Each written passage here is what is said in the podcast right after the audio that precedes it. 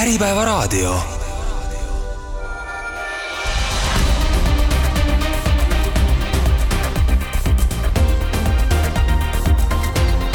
kasvupinnas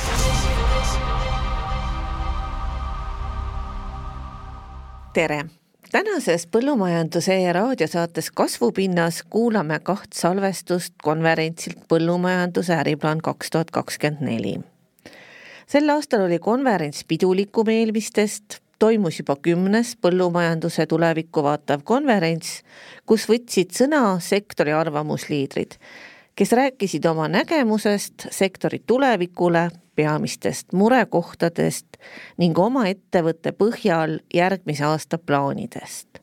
Konverents toimus Tartus kahekümne kolmandal novembril. saate esimeses pooles kuuleme rääkimas teraviljakasvatusest Põllumeeste Ühistu Kevili juhatuse liiget Hannes Pritsi ja teises pooles Tava Foods Estonia juhatuse liiget Allan Tohverit. tervist kõigile, mina olen siis Hannes esindan Põllumeeste Ühistut äh, Kevili ja kui ma hakkasin seda esitlust ette valmistama, siis ma kiirelt vaatasin päevakava. ja noh, kunagi on, on varem ka laval käidud ja vaatasin oma esinemisjärjekorda ja kellaaega ja mõtlesin kohe, et, et täna ei ole kindlasti see graafikute päev, et, et rohkem pilte ja lühem ettekanne ja võib-olla mõni video ka vot seda ma tõesti ei osanud nagu ette näha, et Peeter enne mind esineb ja see, kuidas ta esineb, et, et ütleme nii, et kingad on päris suured ja, ja pigem, pigem loksuvad tugevalt. Aga ühe, ühe mõttetera kindlasti olen ma tänasest päevast juba kaasa võtnud. see on lihtne ja geniaalne. kui rääkida, siis katsu rääkida sellest, mida sa tead ja võib-olla see teraviljaturg on äh, üsna nagu keeruline teema, millest rääkida, eriti väga põhjapanevalt, aga natukene lihtsam minu jaoks on rääkida sellest, mis on Kevili. et ma sissejuhatuseks natukene räägiks Kevilist, Kevili enda äriplaanist ja siis katsuks äh, pisut võib-olla rääkida ka sellest teraviljaturust, et kus nagu on veidi keerulisem väga põhjapanevaid asju öelda. Kevili on siis Eesti Teravilja ja Rapsikasvatajate Ühistu, mis on asutatud kahe tuhande viiendal aastal ehk siis ühtepidi võttes äh, liiga vana ei ole, teistpidi võttes, kui me mõtleme Eesti uuemale ajaloole, siis äh, varsti üheksateist aastat on tegelikult päris arvestatav aeg. ja ma olen nii palju õppinud, et äh, põllumajandussektoris peaaegu kõik teavad Kevilit, aga seda, mis asi see täpselt on, seda võib-olla tegelikult nii täpselt ei teatagi. ja äh, Kevili puhul, et Kevili on omamoodi erand, et äh, Eesti tegelikult ei paista silma oma suure ühistulise liikumise osakaaluga, et, et äh, ma ei tea, ma eeldan, et väga paljud inimesed elavad igapäevaselt maal ja sellise proosalise asjaga nagu korteriühistu kokku ei puutu, aga kes on puutunud elus kokku korteriühistuga kui ühistu ühe lihtsama äh, vormiga, siis ma usun, et on minuga nõus, et et ega see ühistegevus meil võib-olla niimoodi otseselt veres ei ole, et, et äh, Kevili on pigem, pigem natukene erand, et äh, teine hea näide on maalt on äh, jahiselts, et kui on viiskümmend meest, siis noh, paremal päeval on ainult nelikümmend kaheksa eriarvamust, et mitte päris viiskümmend. aga Kevilil on kuidagi, kuidagi asjad tegelikult õnnestunud ja õnnestunud on nad, julgen, julgen väita ikkagi laias laastus kahel põhjusel, et mehed kes tulid kokku ja hakkasid tegema, olid õiged ja tegema hakati õigest otsast, ehk siis äh, defineeriti ära põhiväärtused ja nendest on ka kinni hoitud. ja Kevili põhiväärtusteks on usaldus, koostöö ja tulemuslikkus. tegeleme me nagu ikka, kuidas siis nagu tüüpiline sisendi, sisendipakkuja ja, ja, ja, ja ma ei tea, niinimetatud vahendusfirma, et, et ostame ja müüme teravilja ja rapsi. et äh, pakume tootmissisendeid, tavaline pakett ehk siis seemned, väetised, taimekaitse võib-olla natuke erilisem on see, et me varustame liikmeid ka kütusega, et äh, alates, ma ei tea, siin eridiislist ja lõpetades äh, AdBlue ja, ja põlevkiviõliga. me pakume oma liikmetele täisfinantseerimislahenduse läbi faktooringute ehk siis saakide ost ja müük on mõlemad läbi faktooringu, aga tegelikult meid kaasfinantseerivad osaliselt ka meie enda liikmed, et äh, läbi lühiajaliste laenude ja läbi raha hoiustamise ja nii edasi. Äh, meie võib-olla e-, natuke eri, eri, erilisem osa on see agronoomiline nõustamine et meie agronoomid ja piirkonna esindajad ei ole müügimehed klassikalises tähenduses, et meie eesmärk on anda sellist nõu oma liikmetele ja teinekord ka mitte Kevili liikmetele, mille eesmärk on maksimaalne tulukus hektari kohta, mitte maksimaalne saak, vaid maksimaalne tulukus hektari kohta ja et meie piirkonna esindajatel ei ole näiteks isegi müügieesmärke klassikalist müügiplaani või tulemustasu läbi müügi, et, et eesmärk on pakkuda neid sisendeid parima võimaliku hinnaga, millest on kõige rohkem äh, kasu. ja väga oluline osa on erinevad äh, koolitused, õppereisid, sihuke moodne sõna nagu teadmussiire. Et äh, paremat pilti mul ei olnud, et tegin oma kabineti seinal olevast kaardist pildi, et need punased täpid tähistavad Kevili liikmete asukohta ja kui seda kaarti vaadata, siis ta, nad päris ühtlaselt üle Eesti ei jaotu. et äh, nad on jaotunud selgelt äh, Lääne-Virumaale, Rakvere ümbrusesse ja siis Lõuna-Eestisse, et äh, see on ka suhteliselt loogiline, et, et meil on praegu veel kaks teraviljaterminali, üks ongi Rakvere lähedal ja teine on Rõngus ja kui nagu iseloomustada, et, et kus meie liikmed asuvad, siis kui tõmmata mõtteline joon Tallinnast, äh, Tallinnast Lõuna-Eestisse, siis pigem me katame seda Eesti idapoolset otsa. etteruttavalt ütlen, et meil on väike plaan seda pilt, kaardipilti muutma hakata. ja ma lubasin, et ma väga mingite graafikutega ei, ei hulla, et neid on täna päris palju näidatud, et siis kaks graafikut on minul ka ja see on nüüd see vähe keerulisem variant, et selleks, et saada aru, et kes me oleme ja kuhu me teel oleme, et siis ikkagi paratamatult tuleb arvudele otsa vaadata. et äh, sinine joon on meie käive äh,, oranž joon on bilansimaht ja, ja hall joon on omakapital. ja siin all on erinevaid numbreid, millest võib-olla esiletõstmist vääriks kõige rohkem liikmete arv mis viimasel kahel-kolmel aastal on päris kiiresti kasvama hakanud, et, et me oleme niisuguse kahe poole aastaga on meil juurde tulnud circa kolmkümmend ettevõtet ja, ja see protsess on tegelikult jätkuv, et äh, peaaegu iga kuu lisandub meile üks uus liige, et, et me oleme pigem kasvav organisatsioon. ja turuosa on see, jutt on siis antud juhul rapsi ja teravilja kokkuostu turuosast, et äh, et seda me arvutame, see on mingis mõttes arvestuslik, põhineb Eesti statistilisel saaginumbril, millest me võtame maha selle osa teraviljast ja rapsist, mis ei ole kaubeldav, noh, peamiselt siis teraviljast. omatarbe söödaks minev osa ja omatarbe seemneks minev osa, mis on siin erinevatel andmetel vahemikus nelisada kuni, ma ei tea, viissada viiskümmend tuhat tonni, et me võtame Eesti saagist maha nelisada viiskümmend tuhat tonni ja siis sellest kokku ostetavast osast arvestame oma turuosa et kokkuostu, kost, kokku ostetavaid saaginumbreid ma kirja ei ole pannud, aga päris tippmatemaatika olema ei pea, et selle numbri pealt üht koma teist välja arvutada. mis veel Kevilis võib-olla teistmoodi on, kui, kui, kui keskmistes Eesti ühistutes on see, et, et Kevilis kõik liikmed panustavad päriselt kapitali, raha, sada, vähemalt sada kakskümmend euri hektari kohta ja sellest raha, seda raha kasutades on Kevili suhteliselt agressiivselt investeerinud ja just põhivarasse. siin keegi eelkõneleja mainis äh, betooni ja rauda, siis meie oleme tegelikult päris agressiivselt betooni ja rauda investeerinud ja julgen väita, et teravilja äri ajades on see kriitiliselt vajalik ja vägagi oluline.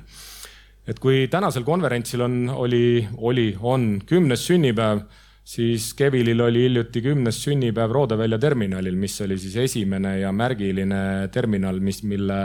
Eesti mehed ise ehitasid, et me oleme seda siin nüüd väikest viisi laiendanud, et mul paremat fotot ei olnudki kui kahekümne esimese aasta laiendusest pilt, et kus me ehitasime juurde puistelao teraviljale, seitse tuhat kakssada ruutu. teine terminal, nagu ma ütlesin, asub meil Rõngus, mahutas peaaegu natuke rohkem kui viiskümmend tuhat tonni teravilja ja rapsi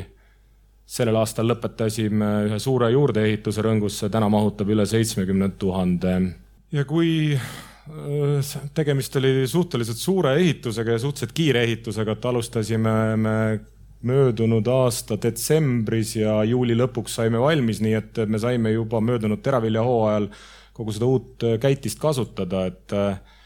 et tegemist on mulle teadaolevalt suurimate äh, teraviljamahutitega Eestis, kui me mõtleme nagu metallsilosid, et äh, üks, üks mahuti on kuusteist tuhat kantmeetrit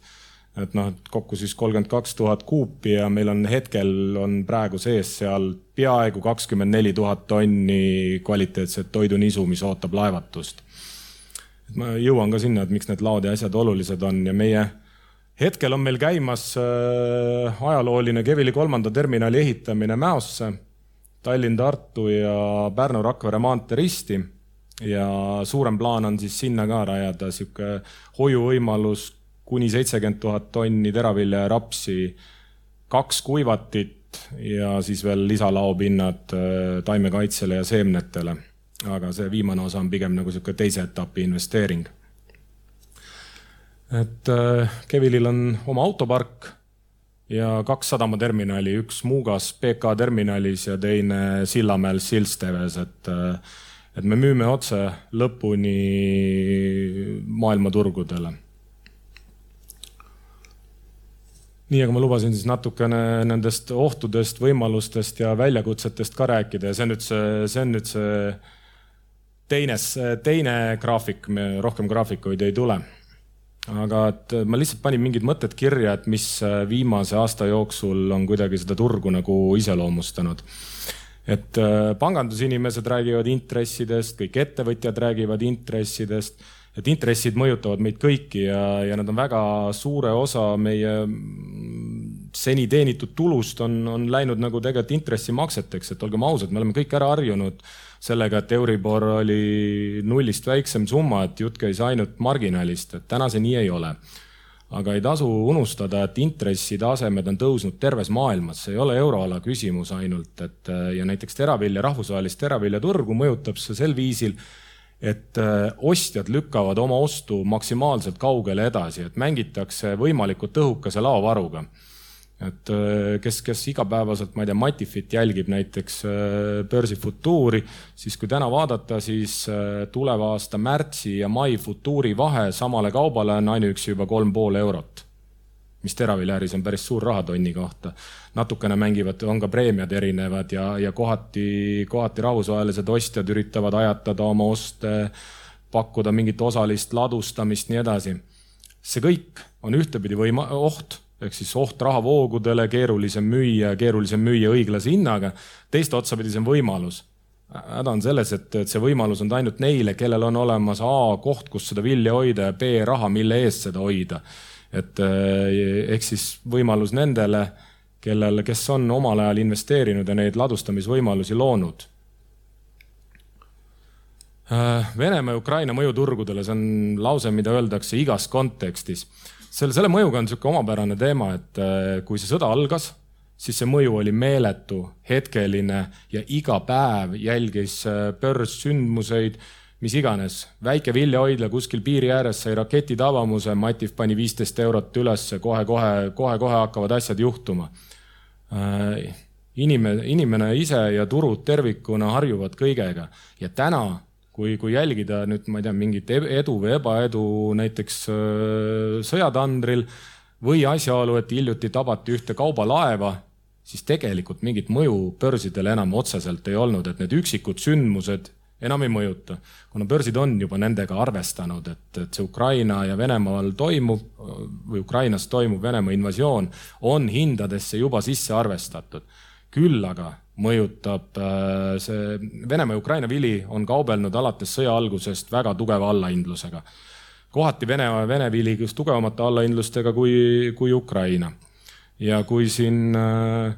Liinas Agro teatas tegelikult väga-väga äge ja õige otsuse, eks ju, et kuidas te kaks päeva peale sõja algust äh, otsustasite kontserni tasandil, et te põhimõtteliselt lõpetate Vene ja Valgevene ärid, mis oligi õige ja väga hea ja väga eetiline otsus, siis me ei saa samasuguseid otsuseid eeldada tervelt maailmalt ja pole ka põhjust eeldada. mida kaugemale me läheme sellest konfliktikoldest, seda vähem olulisem on selle vilja päritolu, kas ta on Venemaalt või Ukrainast eriti situatsioonist, kus see vili on a priori odavam.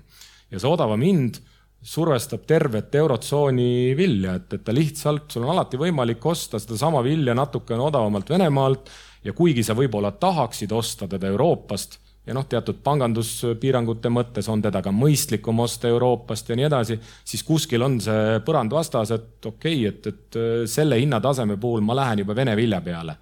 on mõned turud kes tõesti põhimõtteliselt hoiavad äh, kinni sellest põhitõest, et me ei osta teadlikult Vene ja Ukraina vilja. Vene, Vene Ukraina vili, Vene vili ei ole sanktsioonide all. absoluutselt mitte, kõik võivad osta teda.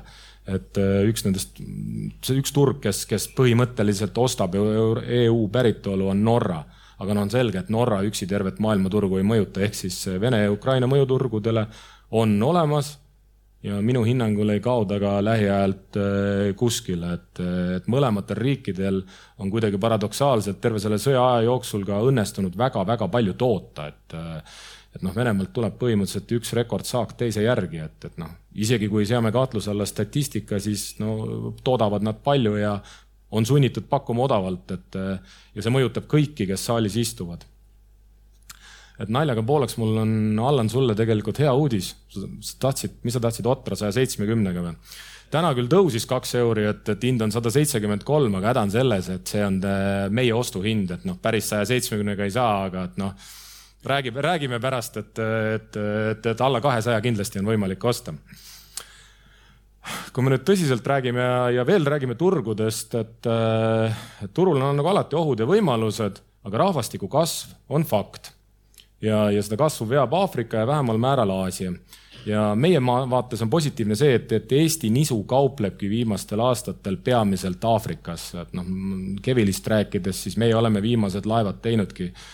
Burkina Fasosse, Nigerisse, ühe pool, ühe tegime vist, laev läks pooleks, osa läks Tšaadi. et äh, need on, need on, need on väga head turud, on väga head turud juba selles mõttes, et nad on kasvavad turud. Nad on päris arvestatavalt investeerinud äh, millingusse, ma ei tea, vilja jahvatamisesse ja neile Baltikumi kvaliteet sobib väga hästi, et äh, Baltikumi nisu kvaliteet on, meil on üldiselt pisut kõrgemad proteiinid äh, ja vili ise on kuivem, et noh, kuna me kuivatame vilja, mitte ei korista teda nagu põllukuivana. aga samal ajal meie kogused on väiksed ja väga raske on suuri partiisid kokku ajada, et noh, meie händi tüüpi laev on niisugune kolmkümmend, kolmkümmend viis tuhat tonni põhimõtteliselt, kui nad, kui, kui vähegi suurem tegija Aafrikas tahaks osta, et ta nüüd järgmised pool aastat katab Baltikumi nisuga, siis tal tegelikult suure tõenäosusega ei ole võimalik sellist kogust siit piirkonnast kätte saada. aga vähemalt me oleme õigel turul.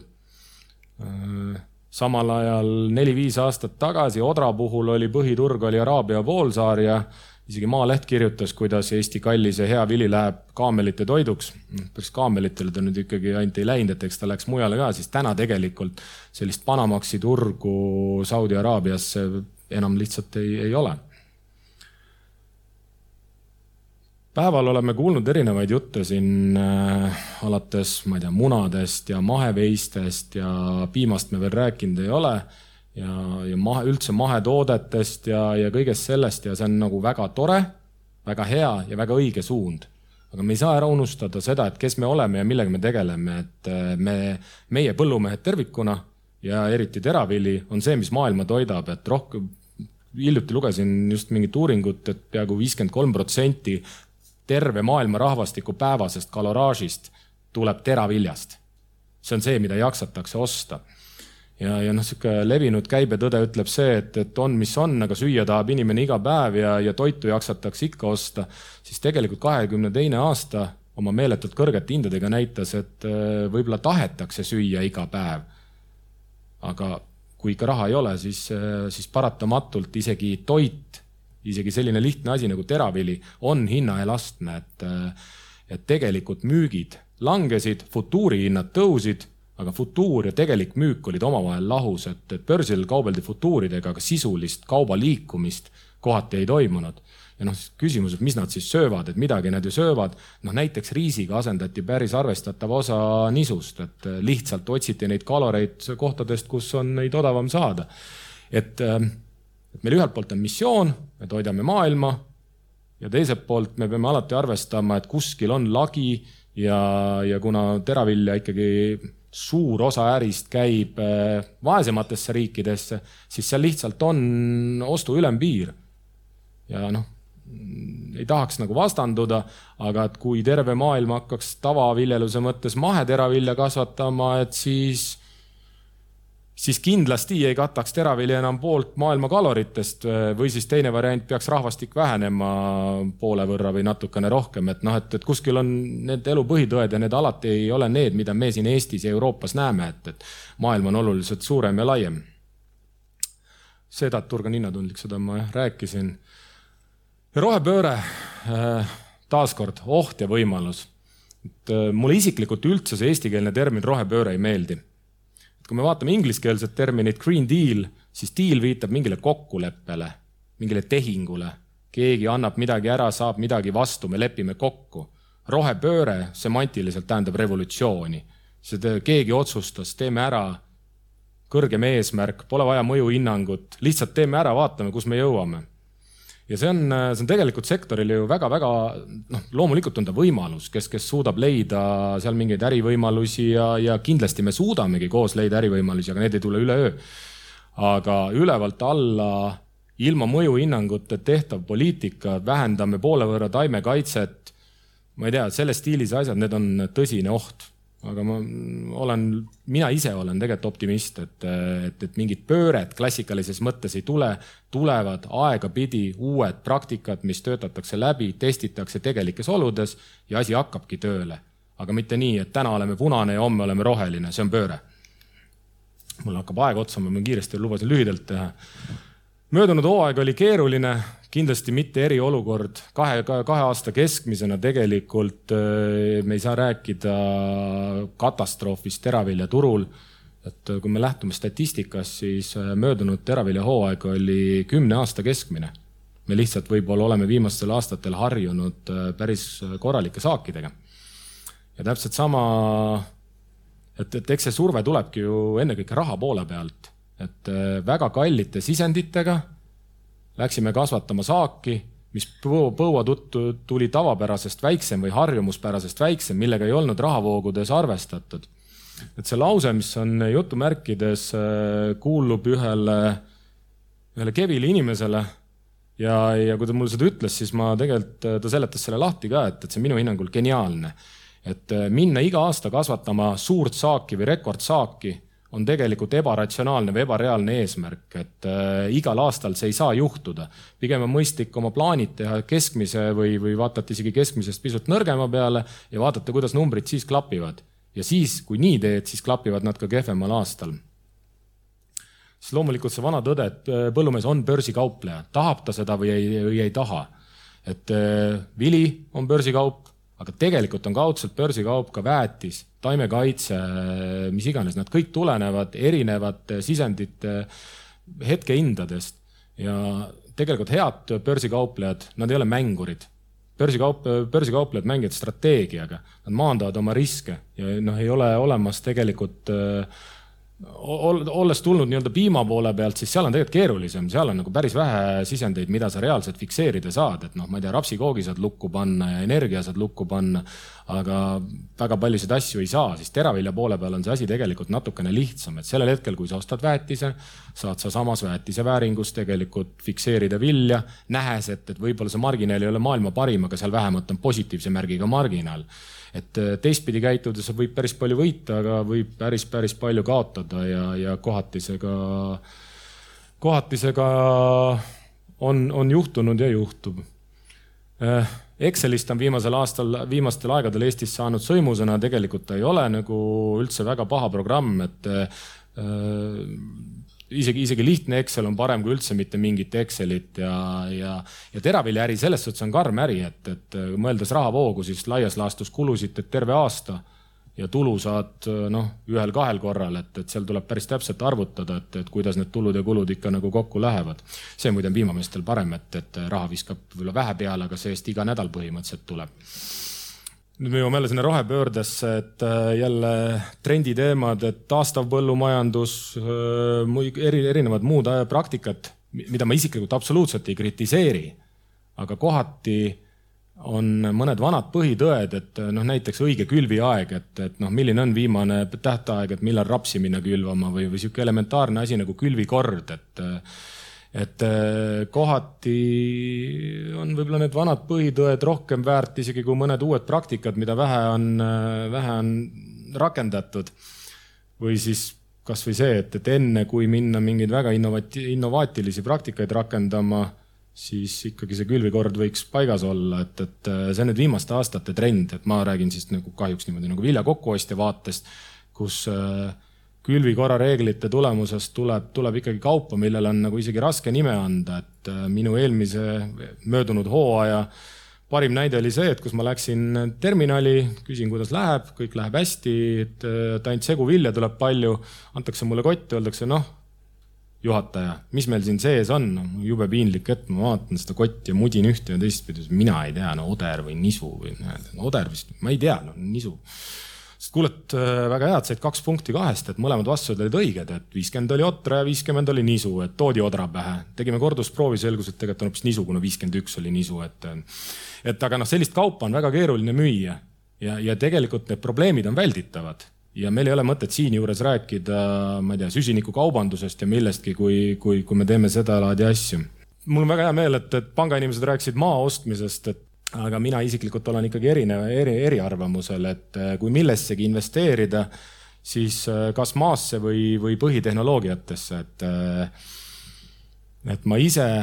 investeeriksin lisaks maale nendesse asjadesse, mis võimaldavad tööjõukulu keskpikas perspektiivis vähendada, et noh, see üldine, üldine printsiip, et kapital ja tööjõud asendavad üksteist see jutt peaks meeldima vihurimeestele, et äh, suurem traktor korraliku suure randaaliga, kui sa suudad äh, kuu aja peale kasvõi ühe mehe poole kuu palga säästa, siis see on nagu investeering, mis igal juhul tasuks nagu ette võtta ja läbi kalkuleerida samas, kas äh, igal mehel peaks hoovi peal olema oma kuivati, ma lõpuni päris kindel ei ole, eriti kui, kui mõned muud asjad võib-olla olulisemad on puudu. et, et aga eks ta on päeva lõpuks on see iga ettevõtja enda mõtlemise koht paratamatu on see, et päris kõikidesse teemadesse investeerida ei jaksa, ei jõua ja pole ka tegelikult mõistlik. et, et kui me räägime nagu probleemidest ja võimalustest, et siis, siis sellised kriisid, nagu meil praegu on või keerulised olukorrad, need on mööduvad, et vahele viskab vahetevahel häid aastaid ka ju. aga, aga mõned probleemid Eestis on põllumajanduses kipuvad olevat nagu pikaajalised ja neid on nagu päris keeruline lahendada üks on seesama maine teema, millest ma ikka siin-seal rääkinud olen, et äh, me tahame, et meil sektor oleks atraktiivne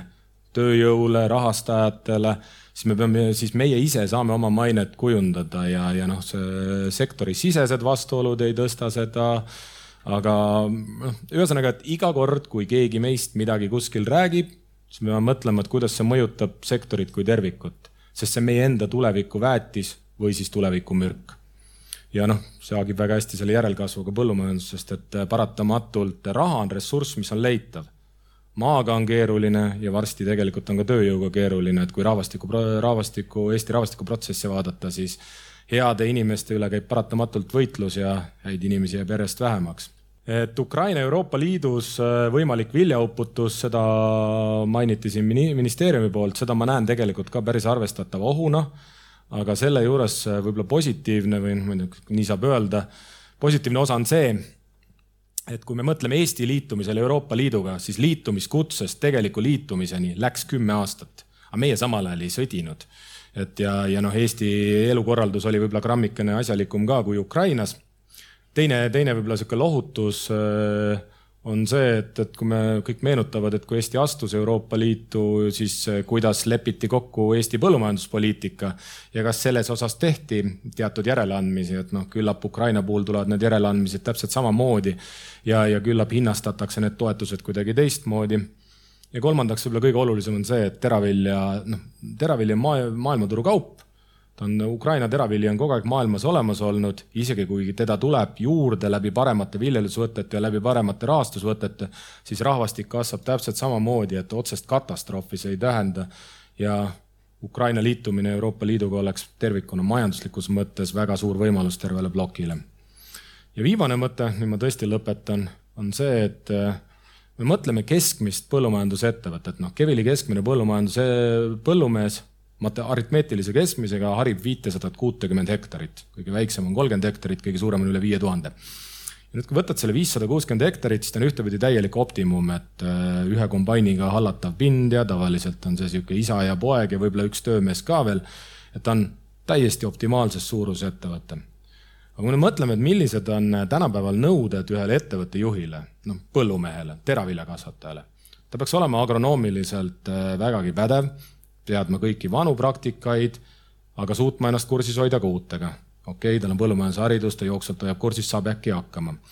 finantsistist ma juba rääkisin, ta peab päris korralik finantsist olema, et oma rahavooge juhtida. üht koma teist peaks õigusteadusest jagama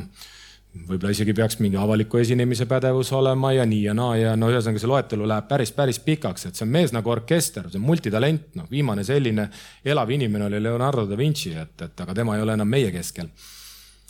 Ja nüüd me jõuame Kevilini kus Kevili mingis mõttes ongi mudel, mis annabki sellistele väiksematele, keskmistele ja võib-olla ka keskmisest pisut suurematele ettevõtetele võimaluse teatud tegevused ja rutiinid delegeerida organisatsioonile edasi ja ise keskenduda sellele põhitegevusele, teravilja kasvatamine. mina tänan. Saate esimeses osas sai sõna Põllumeeste Ühistu Kevili juhatuse liige Hannes Prits ja nüüd kuulame Taava Foods Estonia juhatuse liiget Allan Tohverit, kes selgitab meile, mis toimub muna tootmises. tere ka minu poolt, et äh, tõesti äh, tundub, et siin viimase, alates septembrist on olnud äh, meedias kaks huvitavat teemat, et millal Kaja Kallas tagasi astub ja puurikanad. et ma võib-olla annakski alguses lihtsalt väikse niisuguse ülevaate, et eh, mis toimub üldse selles siis munade äris Euroopas, eh, milline on seis meil Eestis ja siis eh, kuna on ka äriplaani konverents, et tegelikult räägin ka oma järgmise aasta planeerimise mõtteid, et kui ütleme, ma arvan, te kõik olete nüüd kuulnud, et kanade pidamisviise on päris mitu, et ütleme siis kõige ilusam ja mõnes mõttes ka nagu siin see lihaveise kasvatus on tõesti, et on see vabapidamine, kus kannad saavad äh, rahulikult looduses ringi jalutada. kui äh, siis järgmine viis on lindlas ehk õrrekana pidamine ja kolmas siis on puurikana. aga kui me vaatame nüüd kogu maailmakaarti, siis niisugune äh, tumepunane, te näete, on puurispidamine ja roheline värv näitab siis vabapidamist et äh, kui seda võib-olla maailmakaarti vaadata, siis tegelikult see puuriskana pidamine on ikkagi suhteliselt levinud viis ja õr-, ütleme siis vabapidamise kana on tugevam nendes regioonides, kus siis ütleme, inimeste mm, ostujõud või elustandard on kõrgem. et äh, ma ütleme nii, et tänu sellele suurele meediaskandaalile on, olen ma oma selle sisseelamiskursuse palju rutemini läbi teinud ja näiteks ka just kui siin ennem see lihaveise kasvataja rääkis seda maade kasutamisest, vaheldumisi siis põllukultuurid, loomad, et ma näiteks jõudsin ka ühele sellisele uuringule, kus eh, ongi soovitav, et viis aastat kasvatad eh, taimi ja siis kümme aastat on sul seal loomad peal, kes väetavad. selle probleemi või selle ilusa unistuse see mure on see, et lihtsalt siis mahub maailmal, maailma üks miljard inimest. Et äh, seetõttu on, ütleme, see intensiivne loomakasvatus, linnukasvatus puhtalt äh, praktiline lahendus, et maailma ära toita. kui me tuleme nüüd äh, Euroopale lähemale, et äh, need slaidid ma lihtsalt olen võtnud Euroopa Komisjoni siis kana statistikast, et ma ei ole neid ise välja mõelnud. et kui nüüd Euroopa siseselt vaadata, siis tegelikult see, mis Eestis palju kirutud nüüd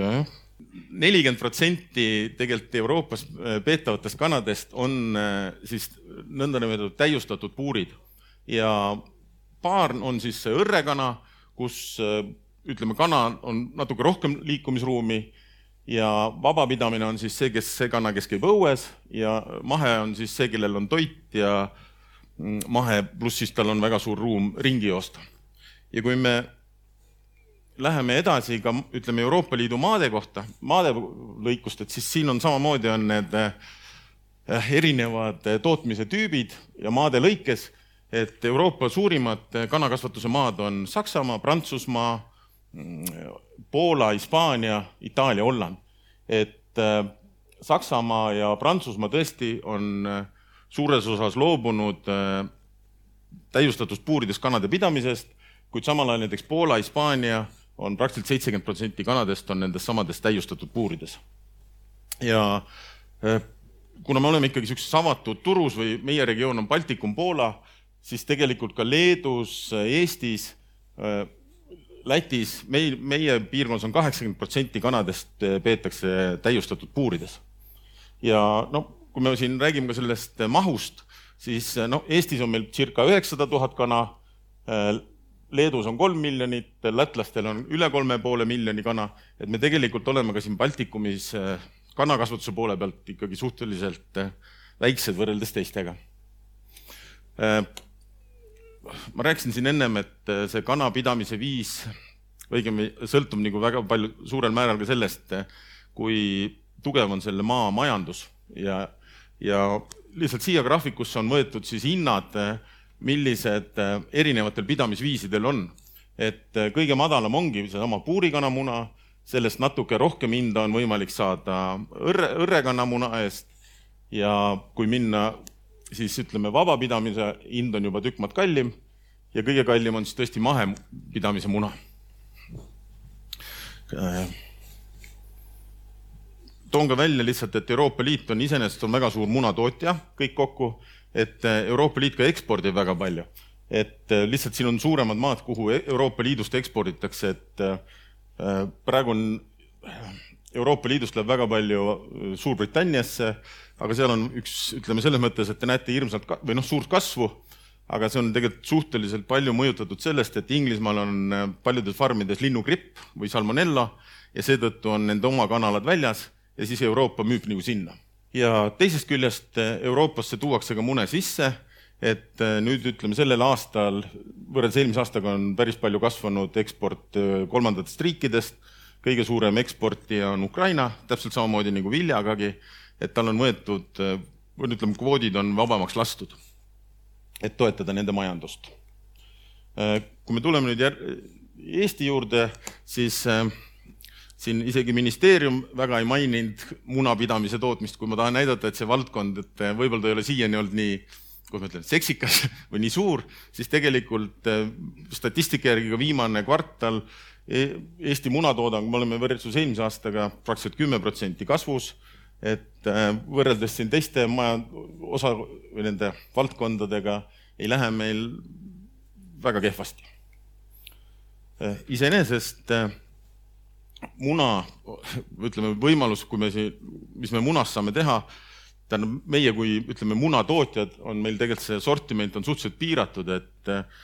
kõige tavalisem ongi seesama kooremuna, siis sellest samast munast on võimalik teha pulbrit, on võimalik teha sellist munamassi, kus on siis, ma ei tea, nagu vanasti oli koogel-moogel, või on võimalik ka veel eraldi kollane valge eraldada ja siis eh, ütleme, toidutööstused tavaliselt kasutavad seda või ravimitööstus.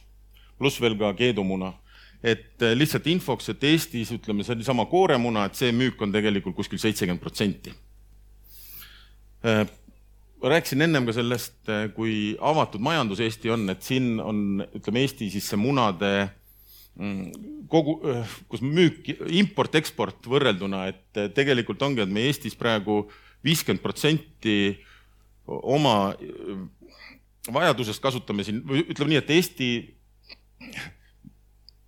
meil on pool, pool tarbitavast munast on tegelikult meil sisse toodud meil kõigil tootjatel tegelikult meil on ressurssi kasvatada tootmist, et ma arvan, et eh, suhteliselt lihtsalt me võiksime tõsta siin seitsmekümne viie protsendini selle varustatuse, aga lihtsalt ütleme, see konkurentsi olukord kogu aeg, kasvõi samas hindade poolt, on eh, surunud nagu me, ütleme siin meie osakaalu järjest väiksemaks ja väiksemaks. me küll vähesel määral ka ekspordime, aga ikkagi ta on suhteliselt marginaalne, et võrreldes siin võib-olla teiste põllumajandustoodetega on see ekspordi osa, on meil väikene Äh, jah, mainisin ennem juba, et Eestis on circa üheksasada tuhat kana. Äh, kana pidamisel meil ikkagi ühe, seitsekümmend protsenti oma hinnast või sellest muna oma hinnast sõltub söödast, et äh, kui siin viljamehed hakkavad magama jääma, siis ma ütleme, ootakski väga, et järgmine aasta näiteks söödaoder oleks alla saja seitsmekümne ja nisu oleks siin veel, et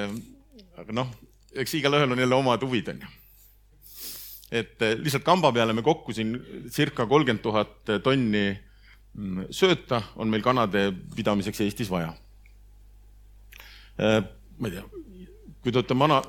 see on lihtsalt niisugune kiire kordus, et kui te munakarbi pealt vaatate, siis äh, jah, on, ütleme, neli numbrit, mis märk-, määravad ära selle äh, kana pidamise viisi ja oma pidamise viisil me lähtume siis ütleme põllumajandusministri määrusest, et äh, kui siin tuua, tulla nüüd tagasi jälle natuke nende loomakaitsjate juurde, et siis enne siin suurt ava, seda skandaali tuli, tuldi meie juurde, kusjuures kõigi kanapidajate juurde, suuremate juurde kontrollid, kus siis väga täpselt jälgiti, et me just vastaks kõigile nendele nõuetele, et äh, olid väiksed vead, kuid noh, võin vähemalt öelda, et ma just eile sain tulemused kätte oma kontrolli, et on progress toimunud, PTA oli põhimõtteliselt rahul, nii et äh, lootust on, et saame jätkata. Äh, ütleme nii, et nagu eestlasel ikka on tore kurta ka, et äh, paljud, ma arvan, murekohad on siin tegelikult juba ennem kõlanud, et erinevalt võib-olla siin otse viljamüüjast või viimast, et me, meie tegelikult müüme oma mune otse kauplustesse. ja mis ongi nüüd see viimase aja trend, et siin ka Toiduliidu uuring on näidanud, et kuigi Eesti inimene eelistab kodumaist toitu, siis tegelikult see osakaal järjest väheneb, et siin ongi üks põhjus, ongi seesama hindade tõus, et lihtsalt importtooted on odavamad ja väga lihtsalt isegi vahel see kümnesendine hinnavahe paneb inimest äh, mõjutama, kas ta võtab kohaliku toote, võtab importtoote, et äh, nii see on. ja kuigi siin Euroopa Liidu sees me räägime avalikust või sellest avatud turust, siis tegelikult äh, kõik teavad, kui palju siit on võimalik saada näiteks PRIA-st investeeringutoetusi on ju et meil on siin selle rahastusperioodi jooksul sa võid saada kaheksasada tuhat eurot, aga näiteks Lätis just turule või börsile tulnud ettevõte uhkelt teatas, et tema sai Läti mm, riigilt kaks miljonit eurot, on ju. et noh, siin on natuke selles mõttes see olukord ebavõrdne. Ja samas on ka näiteks Saksamaa on tehtud, teinud oma kvaliteedikava, millega ta kaitseb oma turgu, et kui me tahame sinna müüa, siis me tegelikult peame ka muutma siin oma neid tootmisasju. Äh, rääkisin ennem siin korra linnugripist, et see on lihtsalt infopilt teile, et tegelikult äh, see, ütleme, kanapidajana me tegelikult kardame kõige rohkem kahte haigust, on linnugripp ja salmonella. et äh, siin on lihtsalt pilt, et äh, millised äh, kolded on olnud siin nüüd viimase aasta jooksul tegelikult Euroopas, et õnneks ütleme, meie Eestis oleme olnud nagu suhteliselt kaitstud, aga meie kõrvalturud on tegelikult päris tugevalt kannatanud. ja võib-olla siin üks kõige suurem mure, ma rääkisin, me oleme kauplustes, et, et me siin jälgime nõudeid, millised muu puurikana pidamise nõuded meil on, kuidas on kõik bioohutuskavad ja siis samal ajal siin mõned kaupluseketid, kes eh, deklaree-, just ma räägin rahvusvahelistest, kes siis on deklareerinud, kui eetilised ja nii edasi nad on, siis samal ajal tuuakse sisse munad, millel siis tootmisviis ei vasta EU nõuetele, mis tähendab seda, et me ei tea, kuidas see on tegelikult toodetud, on ju. ja, aga samas hind on odav ja see nagu siis õigustab. Et äh, ma olen ka nüüd need pildid nähtamatutele loomadele saatnud, et las nad tegelevad sellega ka. ja lihtsalt, et jälle, et kuidas siis see hinnatase meid siin kõige rohkem mõjutab, ongi, et äh, ma võtsin lihtsalt, see on nüüd novembri esimese nädala seis Eesti kauplustes, et, et nagu te teate, igale kaupluseketile meeldib väga teha oma märgi munasid, ehk siis äh, Rimil on seal Smart või Basic või mis tal on, Maximal on seal oma well done'id, et võtsin lihtsalt sisse ütleme,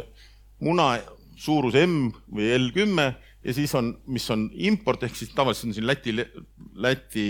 Leedus Poola muna ja üleval on siis ükskõik meie siit Eesti kellegi kohalik muna.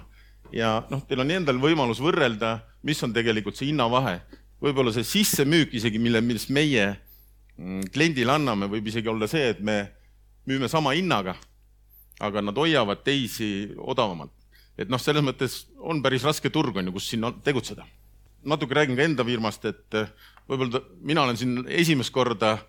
aga kes siin osad on vist kümme korda, kümme aastat käinud järjest, et olete võib-olla ennem kuulnud, aga põhimõtteliselt eh, Tava Foods on siis, eh, ma ütlen, osaline järglane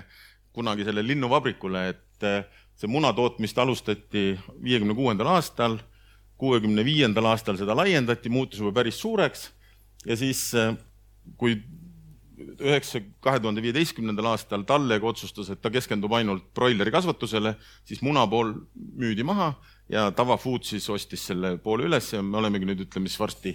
kümme aastat tegutsenud, et äh, lihtsalt infoks ka, et kui kuuekümne viiendal aastal oli eesmärgiks nelikümmend miljonit muna, siis eelmine aasta me tegi, tuli meil kuskil seitsekümmend viis miljonit muna. nii et äh, ütleme, väike kasv on olnud kui nüüd äriplaani juurde tulla, et siis me oma äriplaani tegemisel meie hakkame sellest pihta, et mõtleme tegelikult, kui palju mune me suudame järgmine aasta maha müüa. ja vastavalt sellele siis juba sööt, ma juba söödahindadest siin andsin vihjed, mis võiks olla, äh, siis ütleme, väga palju mõjutab veel ka töötajad, töötajate palk, energia. ja kui nüüd lähemalt minna, et siis me ütleme oma loogikas kasutamegi seda, et me teame, et Eestisse circa vajadus on, ütleme seal üle kahesaja kuuekümne miljoni muna, et siin küll osa on nüüd, ütleme, on see lauamuna ja osa siis sellest munadest on, me arvestame, on nagu selle munamassina. ja vastavalt sellele me siis vaatamegi, et näiteks palju sealt kauplused suudavad müüa ja noh, ütleme sealt siis eh, teades oma neid võimalusi ja samuti noh, me arvestame ka näiteks, et Eestis ikkagi seesama puurimuna osakaal samm-sammult hakkab vähenema et vastavalt sellele siis teemegi oma plaani, et palju me suudame järgmine aasta müüa. ja siis, kui me ütleme, oleme selle koguse enam-vähem kätte saanud, siis me tegelikult teeme sellise mm, tootmisplaani. et ma siin lihtsalt olen värvidega näidanud, et meil on kuus kanalat, meil iga kanal on viiskümmend tuhat kana, et lihtsalt kui kaua me ühte, noh, ütleme seda kanalat või seda karja siis sees hoiame, et siis mingil ajal teeme jälle vahetuse, tuleb uus kari sisse ja ütleme sealt juba see ajapikku on meil see loogika välja tulnud, et palju me saame M-muna, palju saame L-muna, äh, mis osa läheb näiteks tööstusmunasse. siis äh, söödast ma juba rääkisin, et meil jah, ütleme, kasutame päris palju, üksteist tuhat tonni on meil kuskil aastane kogus, circa kuus tuhat tonni on meil söödanisu, otra läheb seal natuke alla nelja tuhande ja siis noh, ütleme veel lisaks siit koha pealt on võib-olla rapsikook, veel mingid lisandid. et äh, ja alati, kui see söödoost on, et siin viljamehed kindlasti teavad, et üks asi on, et kas fikseerida pikalt või osta spotilt, börsilt kogu aeg. et äh, iseenesest äh, meie sõbrad siin Baltic Agrost ütlevad, et äh, meie jaoks, et meie kogused on nii väiksed, et see vili on alati olemas, et väga pikalt jälle pole mõtet osta, samas jälle, et ennast natukene mm, kindlustada tuleviku jaoks, et noh, ma siin näiteks paningi, et meie oleme praegu enda jaoks nisu oleme kuni järgmise aasta suveni ära fikseerinud omast arust kõige parema hinnaga, aga nagu te teate, alati see on trikk. Äh, lisaks sellele, kuigi siin vist Seep Pank näitas omal, palju ta palgakasv oli üksteist protsenti, et ma loodan, et mu töötajad seda ei näe, et me järgmiseks aastaks siin ennustasime omal kuskil viis protsenti palgatõusu. elektrit ostame börsilt, et ka umbes võtsime eelarve jaoks igaks juhuks sada kakskümmend megavatti, et loodame, et on madalam. ja noh, eks logistika ka samamoodi mõjutab meid ütleme, üks asi on see jah, kui me need rahad ja kogused kokku saame, et tegelikult siin turul, Eesti turg on suhteliselt väike, et meil käib ikkagi igapäevane suhtlus siin klientidega, et millised on nende plaanid, et noh, samamoodi seesama eh, puurikanad, et siin mõned kliendid on näiteks deklareerinud, et nemad aastast kaks tuhat kakskümmend viis enam seda ei müü. et eh, kui nüüd nendega vestelda, et siis nad jälle, et vaatame, mis ikka tarbija otsub, võib-olla see nii kindel ei ole, et noh, selles mõttes see kogu aeg see töö käib igapäevane. Eh, lisaks sellele on Eestis, kuigi siin räägitakse, et tarbimine võib-olla või noh, pankurid, et toidukauba osa ostmine ei vähene, siis tegelikult ütleme, see ostmine mängitakse ümber, et ütleme, odavam toidukaup on see, mis liigub rohkem. et ja seetõttu ongi kõik see kampaaniate osatähtsus on järjest rohkem osaga, järjest tähtsamaks muutunud. et ma siin olengi selles mõttes om, ka oma eelarves, et me oleme ikkagi arvestanud, et kriis on alanud ja me näeme, et tegelikult järgmine aasta on veel raskem et sellest, seetõttu me ikkagi oleme üsna pessimistlikult omale eelarvet teinud, nii investeeringute plaanid kui need, et kui läheb paremini, on kindlasti tore, aga pigem natukene olla selline tagasihoidlik sellel teemal. ütleme, eks siin see tööjõud on igal pool päris tõsine väljakutse, et meil on õnneks see kaadrid, kes meil töötavad, on suures osas on püsivalt, on juba ka rohkem kui viis aastat meie juures töötanud, et püüamegi siin neid inimesi hoida, et noh, küll on selles mõttes ka meil on niisugused hooajalised ajad, näiteks lihavõtted, kus munamüük läheb kahekordseks, et alati on, siis on ka vaja näiteks renditööjõudu ikkagi kasutada. enne jõule on alati võimalik jälle soove panna, et siis eh, tahakski rääkida, et eh, nagu kõik ettevõtjad, me tegelikult ootame, et eh, see majanduskeskkond oleks stabiilne, maksupoliitika oleks sta, eh, stabiilne, et oleks võimalik teha nagu investeeringuid. ma lihtsalt loodangi siiralt, et tõesti need majanduslikud argumendid eh, kaaluvad üles ikkagi need emotsioonid. tänan selle teemaga tõmbame saate kokku. veel kord suured tänud nii Hannes Pritsile kui Allan Tohverile esinemast ja sektorit tutvustamast. mina olen Teemaveebi põllumajanduse juht Meelika-Sander Sõrmus ja saate kajastuse leiate just sealtsamast Teemaveebist